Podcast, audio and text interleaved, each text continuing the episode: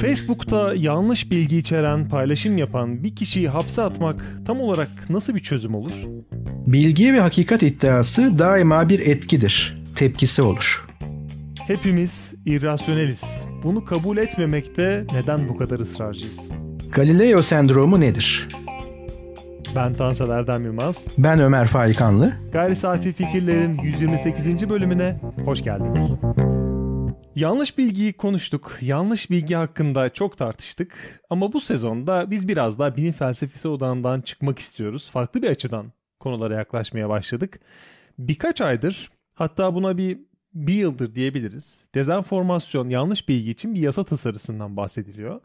Ve yanlış bilginin cezalandırılması, bu yolla da yanlış bilgi probleminin nihayete erdirilmesi düşünülüyor. Bu tabii ne kadar nihayete erdirilebilir bir problem bu açıdan bunu tartışacağız. Şöyle basitçe Türkiye'de konuşulan yasa tasarısından bir bahsedeyim. İşin politik yanına vurgu yapmaktan ziyade yanlış bilgi cezalandırmaktan ne anladığımızı biraz kavramak için. Şöyle basit bir kanunda madde var.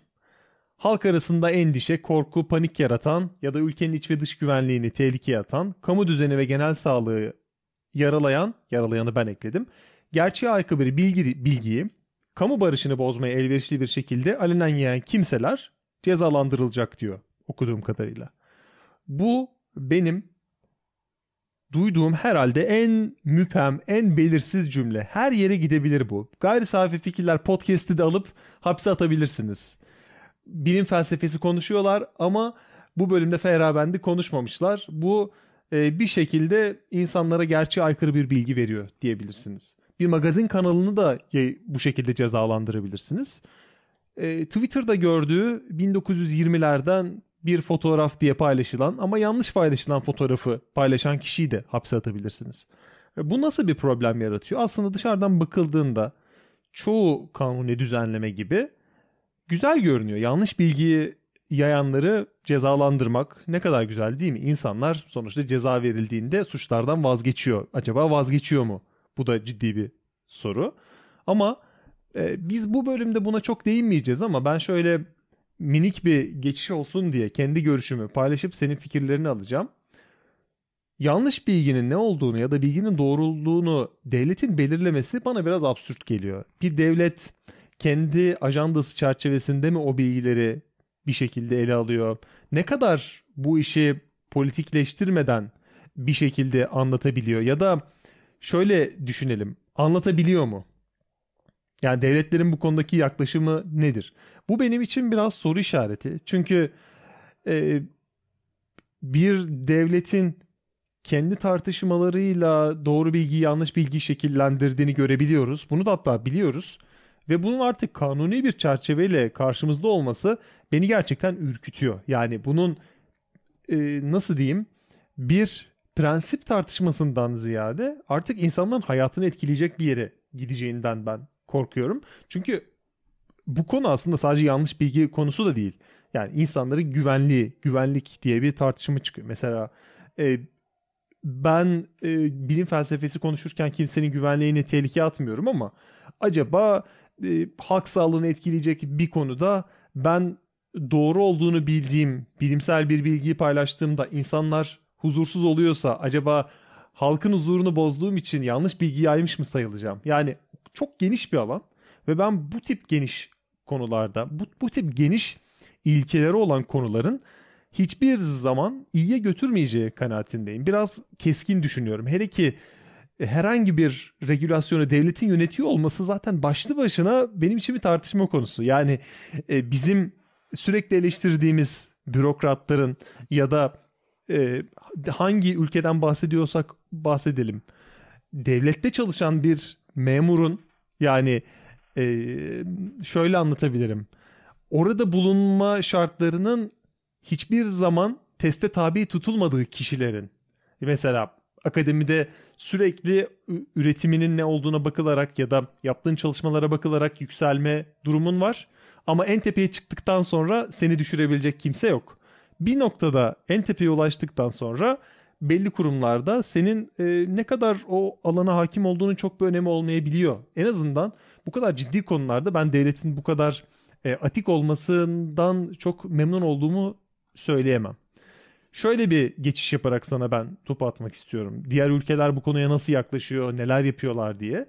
Kanunla bu işin çözülmesi aslında o kadar yaygın değil. Yani şöyle yaygın değil. Bizim kendimize örnek aldığımız ülkelerde o kadar yaygın değil. Yani Rusya'da, Çin Halk Cumhuriyeti, Endonezya'da ya da e, Ukrayna'da kanunla yanlış bilgi çözülüyor. Evet. Ama yani Türkiye'de bu ülkelere örnek alan kaç kişi var ya da kaç e, siyasi var? Ya da devlet eliyle kontrol edilen yerler Meksika, Brezilya, Kongo Cumhuriyeti. Burada da birazcık e, Türkiye'de teyitin yaptığı işleri devlet organları yapıyor. E bu da biraz problemli bir yere bizi götürüyor. Çünkü politikacıların söylediği şeylerin doğruluğu yanlışlığı her zaman tartışmalı. Onları teyit edebilmek burada nasıl mümkün olacak? E, komisyonların ya da hükümetlerin dahil olduğu inisiyatiflerin yaptığı belli başlı çalışmalar var. Onlar da Kanada'da yapılıyor. Yine kutuplaşmanın görece az olduğu yerler. E bir de tabii ki farkındalık kampanyaları var. Onlar da daha çok Kuzey Avrupa ülkelerinde yapılıyor. Şimdi böyle bir çerçeve çizdiğimiz zaman böyle bir konuya devletin el atıyor olması, devletin bu kararı veriyor olması ilk temas noktamız bu olabilir. Ardından ben konuyu biraz daha farklı bir yere çekeceğim ama bu konuda senin fikirlerini gerçekten çok merak ediyorum. Ben uç bir şey söyleyeyim. Eğer nihayeti sonucu doğru bilgi yani aynı eş anlamlı kullanırsam hakikatle bitecek ama senin okuduğun yasada veya yasa önerisinde gerçeğe uygun bilgi olarak e, düşünebileceğimiz şekilde bitecek her tür regülasyonun eğer mümkünse olmasını isterim. Mesele bunun mümkün olup olmadığı zaten. Yani nihayetinde biz hakikate ulaşacaksak bu mümkünse olanaklıysa ve bu olanağa uygun bir e, mekanizma kurulduysa ne güzel ben niye düşüneyim? Yani e, şunu söylemek istiyorum bu çok rahat bir yaşamdır ve buna hepimiz eğilimliyiz. Yani zorunlu askerlik görevini Türkiye'de yapmış olan herkes bilir ki bütün e, negatifliklerine, sıkıntılarına rağmen hemen herkesin çok rahat ettiği bir şey vardır. Düşünmek zorunda ve karar vermek zorunda değilsinizdir orada. Yani zorunlu askerlik görevi dediğim aslında er e, olmanız. Yani zorunlu askerlik göreviniz sırasında orada en alt seviyede bulunan askeri personel olmanız. Yoksa subaylar, az subaylar ve askeri personel yani meslek olarak bunu yapanları demiyorum. Onlar tabii ki çok zor kararlar veriyorlar. Ama sizi her şeyde çok rahatsınızdır. Yatıp kalkacağınız saatten tutun, nerede yatıp kalkacağınıza, o gün ne yapacağınıza kadar başkaları karar verir ve bu sizin beyninizi çok çok dinlendirir. Kararlar doğrudur yanlıştır o ayrı ama siz vermiyorsunuzdur. Şimdi o yüzden ben herhangi bir otorite veya buraya devleti koyabiliriz. Sonu hakikatle yani gerçeğe uygun bilgiyle bitecek bir regülasyon mümkünse ve mekanizma buna uygun şekilde kurulduysa ben bunu desteklerim. Ama mesele tekrar ediyorum mümkünlüğü. Çünkü ben bunu mümkün görmüyorum. Mesela şöyle bir şey yapalım. Ee, bizim daha önceki programlarımızda da tanımladığımız bir şey vardı. Dört aşama vardı. Ya yani bilmek nedir? Yani bilgiyi buradan türetelim demiştik. Epistemoloji her yerde diyelim. Bir, bir şeyi teşhis edebilmek, bir şeyi bir nesne olarak teşhis edebilmek, onun hakkında veri sahibi olmak, onu sınıflandırabilmek ve onu tarif edebilmek ve nihayetinde onu açıklayabilmek. Yani onu meydana getiren veya onu dönüşümlere neden olan neden sonuç ilişkilerini teorize edebilmek gerçekliğe uygun şekilde. Bunlar her biri bilmenin bir aşaması veya katmanıydı veya bir boyutuydu. Bu dörtlü toparlandığı zaman da biz aslında gerçek bilgiye veya hakikate ulaştığımızı söylüyoruz. Ama iki örnek vereceğim. Ee, diyelim ki ben intihar meselesini çalışıyorum. Herhangi bir X devlette veya X bölgede, X şehirde önemli değil. Şimdi intihar etmiş olanları ben nereden ulaşacağım? Yani teşhis etmek ve sınıflandırmaktan bahsediyorum. Yani bu bir intihardır, bu bir intihar değildir. Bu ölüm intihardır, kendi canına kıymadır. Bu başka bir şekilde ölmektir. Doğal bir ölümdür, cinayettir ve kaza sonucu ölmektir vesaire. Benim bakabileceğim tek bir şey var. Devletin, ilgili devletin tuttuğu kayıtlar. Yani resmi olarak onun ölüm belgesine ne yazıldı? Peki şu olabilir mi? Gerçekte intihar olup da doğal ölüm olarak yazılmış olabilir mi? Çeşitli sebeplerle. E peki ben kendi araştırmalarımda gidip ailelerle görüşsem desem ki yani bunu ortaya çıkarsam benim kızım, benim oğlum, benim kardeşim, benim eşim, benim annem, benim babam intihar etti, öldü ama kayda böyle geçti bilgisine ulaşsam. Ve ben bunu yayınlasam veya ben bunu e, ifade etsem ulaştığım sonuçlar budur. Bakın teşhis ettim, sınıflandırdım. Yani bu bir intihar vakasıdır ve toplamı şudur. Hakkında veri sahibi oldum, işte sayısını buldum, oranını buldum vesaire. Ve açıklama olarak şunu söyledim. Bölgedeki veya ülkedeki veya şuradaki şu neden intihar oranını bu, bu seviyeye getiriyor dedim. E, devlet bana derse ki benim kayıtlarımda intihar sayısı bu kadar fazla değil. X devletten bahsediyorum. Sen yanlış bilgi veriyorsun ve sanki o bölgede veya da o şehirde veya o e, yörede bir sorun varmış gibi gösteriyorsun. Gerçeğe aykırı bilgi verdin. Ve toplumda korku yarattın. Şimdi iki şey söyleyeceğim. Devletin kayıtları tabii ki doğru olabilir ama yanlış da olabilir. Çeşitli sebeplerle tahrif edilmiş de olabilir. Kayıtlar yanlış tutulmuş da olabilir. Peki gerçek nedir? Şimdi bunu hangi bakanlık, hangi kurum, hangi otorite belirleyecek? Yani 1984 Orwell'ın e, romanında olduğu gibi bir hakikat bakanlığı mı olacak ki bu bakanlık nasıl o gerçeğin gerçek olduğuna beni ikna edecek? Yani şu var güvenmek zorundasın. E, o zaman nihayetinde meseleyi bir inanç, güven meselesine getirmiş olduk. Yani gerçeklik ve bilmek ve hakikat kavramları o kadar basit kavramlar değil. O yüzden regüle edilmesi çok zor. İkinci örneğim de şu daha güncel bir örnek. Yine X ülkesinde belirli bir enflasyon oranı olduğunu düşünelim. Şimdi bu enflasyon oranı resmi kurumlarca belirleniyor, hesaplanıyor. Bir istatistik meselesidir, bir hesap meselesidir ve yayınlanıyor o X ülkesinde, devletinde. Bundan bağımsız iktisatçılar diyor ki enflasyon oranı bu değil. Aslında bu. Düşük veya fazla önemli değil o X ülkesinde. Hangisi gerçek? Ve ilgili müeyyide gerçeğe aykırı bilgi yayma suçlaması yapıldığında işte korku yaratan, farklı yönlendiren, yanlış yönlendiren suçlaması yapıldığında biz hangisini baz alacağız? İktisatçılar da yanlış ölçmüş olabilir. Yanlış hesaplamış olabilir. Ama devlet kurumu da herhangi bir sebeple yanlış ölçmüş, yanlış hesaplamış olabilir. Burada çünkü yanlış bilgi kolay bir kavram değil. Yanlış bilgi, daha önce de söylemiştim ben bunu. Yani derslerimde şu tartışmayı açıyorum. Bu çözümsüz olduğu için değil. Yanlış bilmekle, yanlış bilgiyle bilmemek arasında gerçekten bir fark var mı? Yani iki kere ikinin ben beş olduğunu biliyorum dediğimde sen bana diyeceksin ki 2 kere 2 4'tür aritmetik sistemimiz içerisinde. Bak işte matematik olarak bu. Ha yanlış biliyormuşum diyeceğim ben ikna olursam. Şimdi aynı cümleyi değiştirelim. Ha bilmiyormuşum. Bir fark oluyor mu benim konumumda? Sadece şöyle bir meta fark oluyor. Bilmediğimi bilmiyordum ben yanlış bilgiye sahipken. Doğru sanıyordum. Ama mevcut durum, reel durum aslında ikisi de aynı. Bir şeyi bilmemek ile yanlış bilmek aslında aynı şey. Şimdi o zaman burada şöyle bir problem çıkıyor. Bilmeyeni cezalandırmaya başlayabiliriz. Peki bu biraz etik olarak sıkıntılı değil mi? Yani hani atasözüne bir yansımış ya. Bilmemek ayıp değil, öğrenmemek ayıp. O zaman bilmeyeni cezalandırmış olacağız. Bile isteye yanlış bilgi yayanı cezalandırmak, bir müeyyide uygulamak söz konusuysa bu yine kısmen desteklenebilir. Çünkü bilgi her zaman eylemin etkisidir. Yani Sokrates şöyle bir şey söylüyordu veya Sokrates'in ağzından Platon şöyle bir şey söylüyordu, öne sürüyordu. Bir insan bile isteye kötü olamaz. Onu kötü yapan şey bilgisizliğidir. Çünkü insan kendi çıkarına ve insanlık çıkarına ki bunlar özdeştir onun dünyasında doğruyu biliyorsa zaten bunu yapar. Çünkü onun çıkarınadır.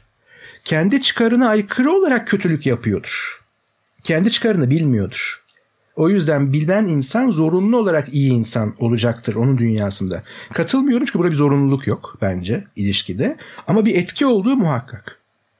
Bizim hemen hemen bütün eylemlerimiz refleks olanlar hariç, anlık olanlar hariç Bunlar fizyolojik zaten e, etki tepkiler ama bu bile aslında beyindeki bazı çok hızlı süreçlerin sonucu. Ama onları dışarı tutarsak tamamı bilgi etkisiyle, biliyor olduğu varsayımının etkisiyle bir tepki şeklinde. O yüzden bilgi her zaman bir etki. Şimdi burada korkulan şey tepki. Hem doğru bilginin yaratacağı tepki hem de haklı olarak yanlış bilginin veya da bilgisizliğin bile isteye dağıtılmasının, yayılmasının ortaya çıkartacağı tepki. İşte biz bunu en yakın zamanda pandemi sürecinde ki hala içinden çıkmadık esasen orada gördük. Yani aşıların içinde şu şu şu maddeler varmış. Ya da işte aşı olanlar e, toplu ölümlere işte uzaktan bir düğmeye basılacak ölecek veya en komiği bizi kısırlaştırıyorlar. Çok korkuyoruz bundan nedense. Şimdi bu bütün bilimsel standartlara göre yanlış bilgi. Bilgisizlik, cehalet bunu iddia etmek. Bunu gösteren hiçbir kanıt yok. Aksini gösteren pek çok kanıt var. Şimdi bunun yayılmasını engellemek nasıl bir tepkiyi önleyecek? Aşı olmama, kitlesel aşı olmama hareketini. Çünkü bu bilgiye sahip olduğunu ve bu bilginin doğru olduğunu düşünen veya da bunun doğru olduğunu, bunun bir bilgi olduğunu düşünen kitleler veya insanlar o zaman aşı olmayayım diyecek. Ortada bir bilgi iddiası, tepkisi şu aşı olmayayım. Fiili bir tepki. Tersi de geçerli. Yani tabii ki şu da olabilir. Pandemiden bağımsız olarak söylüyorum. Bu ilacı kullanın. Hatta en son Resident Evil'ı da izledim. E, Netflix'te. O külliyatın en kötü ürünlerinden biri bence. E, başka bir değerlendirmede belki üzerine konuşuruz. Ama orada da Umbrella şeytani şirket e, büyük kapitalist bir ilaç geliştirme yönünde hareket ediyor. O ilacın bir yan etkisi vardır. İnsanları zombileştirir, canavarlaştırır.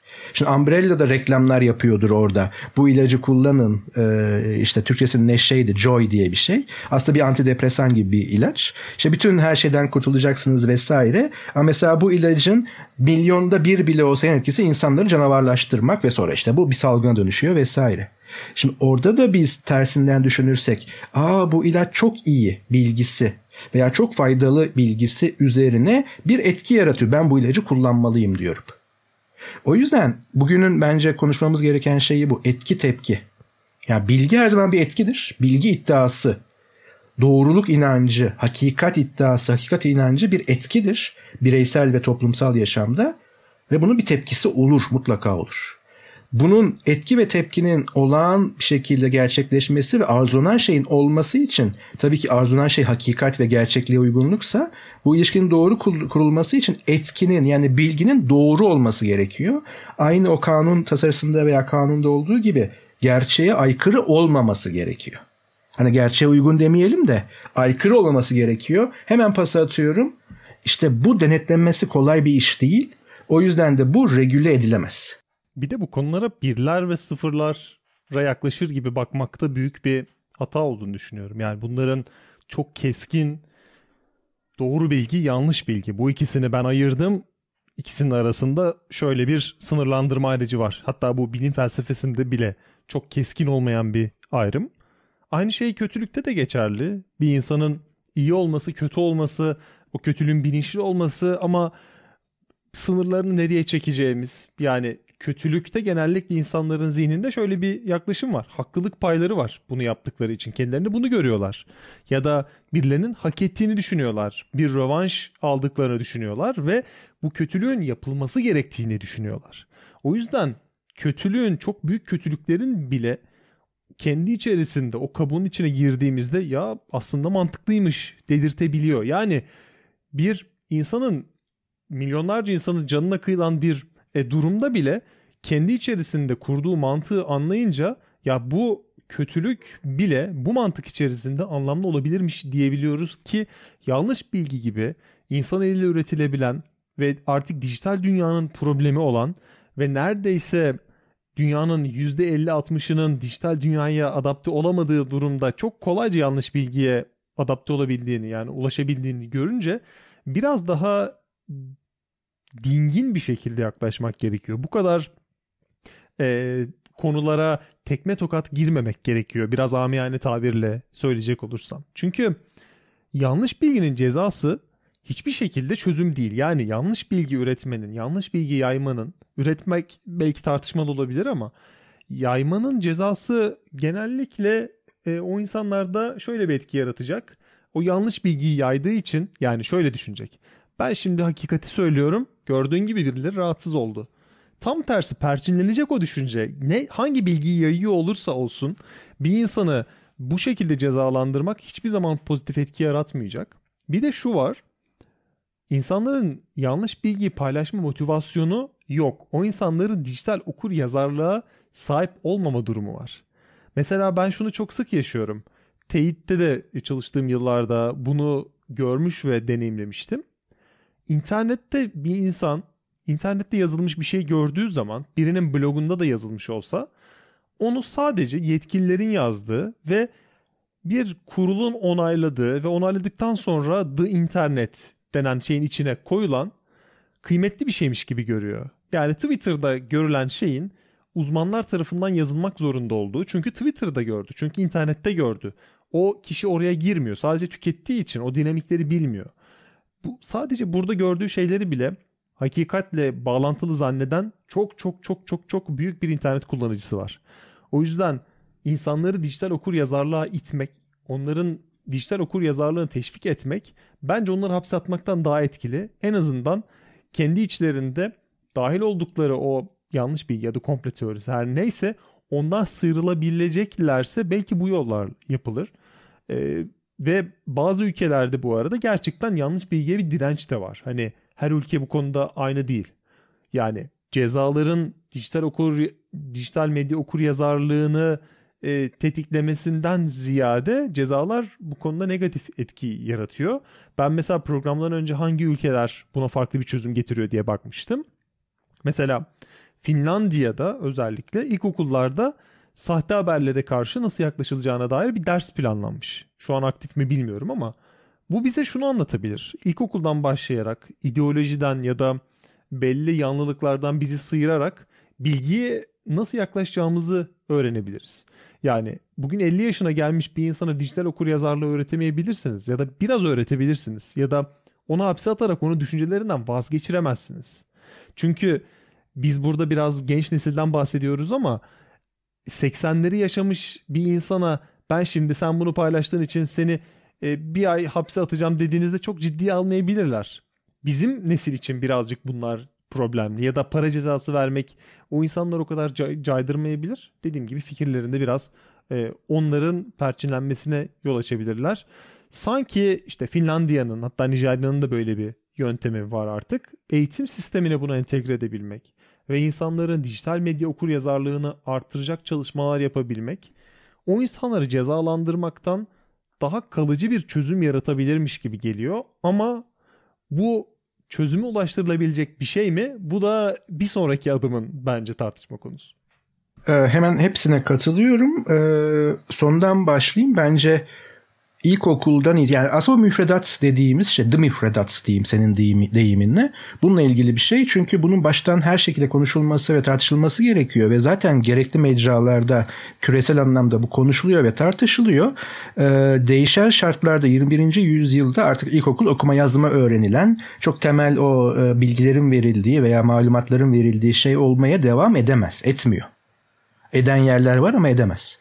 E, o yüzden de artık ilkokuldan itibaren ilkokulda böyle yani ilk okul bak hani anlamı bu Türkçe içerisinde ilk okuldan itibaren genel itibariyle medya okur yazarlığı ve bilim okur yazarlığı veya da belki bir metot. Hani başına bilimsel koymayayım bence konmalı ama bilimsel metot dersleri verilmeli. Hani nasıl deney yapılır değil, kanıt nedir, nasıl desteklenir, nasıl pekiştirilir bir iddia, hipotez nedir, varsayım nedir? Bu artık çok çok gerilerden yani üniversite e, seviyesinde bir ders olarak veya da özel bir felsefe dersi olarak veya bilim çalışmaları dersi olarak olmamalı çok geç. İlkokulda itibaren bu okur yazarlık çerçevesinde bence verilmeli verildiği yerlerde bunun başarılı olduğunu bence görüyoruz ve göreceğiz. Ama bu Finlandiya biraz başımızın belası. Çünkü aynı zamanda bir şehir efsanesine doğru gidiyor. Çünkü hakikaten Finlandiya bu dünyada işte e, dediğim 21. yüzyıl koşullarında the müfredatı değiştirmeye çalışan ve başarılı değiştiren, değiştirme girişiminde bulunan bir ülke. Ama o kadar bağlamı kendine özel ki yani e, bu İbrahim Selim'in programında söylenen bir şey. Hani pek bizim tarzımız, bizim üslubumuz değil ama ılık götlüler diyor ülkeler için, o ülkeler için. Hani e, bunu biz de kullanabiliriz. Hani onlar için çok kolay. Hani ılık götlüler dünyasında bu kolay e, bu anlamda ve bir şehir efsanesine dönüşüyor. Nasıl hani Finlandiya'da şöyle bir şey yapılmış. Hani hepsi doğru değil. Bir kısmı efsane. Bu dediğin şey doğru tabii ki. Veya işte ilkokul sistemi tamamen değiştirmeleri doğru ama Zaten eğitim bilimleri veya eğitim felsefesi bunu yakından inceleyip buradan uygulanabilir evrensel şeyler çıkarmaya çalışıyor. Belki de bunun çok yerel, bağlamsal bir şey olduğu ortaya çıkacak. Ve her ülke, her coğrafya kendine özel bu girişim yapmak zorunda olacak. Yani çağa uygunluk adına kendi çıkışlarını bulmak zorunda. Ama bizim yine bireysel o çağa uygunluk olacak. Yoksa hani herkes kendi eğitim sistemini kursun değil. Ee, çok ufak bir şey söyleyeyim. Umarım başımıza dert gelmez. Ben tevhidi tedrisata inanan biriyim ülkeler bazında. Yani eğitimin birliği. Sen öyle eğitim aldın. İlkokuldan bahsediyorum tabii ki. Ben öyle eğitim aldım. Benim kültürüm bu. Onun kültürü bu da işler çok çıkılmaz hale geliyor. Çağa uygunluk. Tanıdık gelecektir muasır medeniyet seviyesi. Ama burada bir noktalı virgül atayım. Ee, dediğin şey çok doğru. Buradaki müeyyi de bak seni hapse atarım, sana şunu yaparım, sana bunu yaparım her yer için e, bir tür Galileo sendromu yaratıp bunu pekiştirecek bu uygulama. Bunu daha önce dillendirmiştik ama bilmeyenler veya unutanlar için bir tekrarlayalım. Galileo sendromu şu. Eğer bir fikri veya bir iddiayı desteklerken azınlıksanız, hele ki tekseniz, onun doğru olduğunu sanma sendromu. Çünkü Galileo biz şöyle biliriz genel hikayeyi. Koskoca Engizisyon'a, Katolik kilisesine karşı dünya dönüyor dedi. Kopernikus haklıdır, doğru şeyi söylüyor dedi ve o tüm orta çağın karanlığı bunu aykırı iken Galileo tek başına bilimin gür sesi oldu. Bunda doğruluk payı elbette var. Ama bu şu anlama gelmiyor. Siz genel kabullere her aykırı bir şey söylediğinizde veya bir iddia anlamında azınlıkta kaldığınızda bu sizi tanım gereği veya otomatikman doğru kılmıyor. Çoğunluk her zaman yanılmaz. Çoğunluk her zaman doğru değildir. Çünkü doğru veya yanlışın, hakikatin veya hakikat dışının ölçütü sayılar değildir. Ama tam senin dediğin gibi biz eğer cezalandırmaya başlarsak bu zaten bir algı olarak hem o kişide hem de o kişiyi takip edenlerde veya etmek isteyeceklerde bir Galileo sendromu yaratacaktır. Çünkü tarihte genelde yargılananlar evet azınlıklardı hakikat anlamında ve onlar sonra doğru olduğu ortaya çıktı. Ama o bize bir formülasyon vermiyor. Bu aslında politik ve tesadüfi bir olay. Çünkü bazı başka örnekler getiririm. Çoğunluk haklıydı. Yani güç azınlıktaydı. Durun yapmayın diyen çoğunluktu ve onlar haklıydı. Her anlamda, bilimsel anlamda da başka anlamlarda da. Ama çok sonra ortaya çıktı. O yüzden azınlık çoğunluk meselesi değil ve dediğin şey kesinlikle doğru. Tekrar ediyorum. Böyle müeyyideler bunu pekiştirecek ve güçlendirecek sendromlar yaratacaktır. Ama nihayetinde aslında bu bir hakikat problemi olmakla beraber bir anlamda da ifade, e, düşünce ve ifade özgürlüğü meselesi. Çünkü şöyle bir örnek vereceğim. Sonuçta bu yasa Türkiye Cumhuriyeti'nin bir yasa teklifi veya işte geçmiş bir yasası.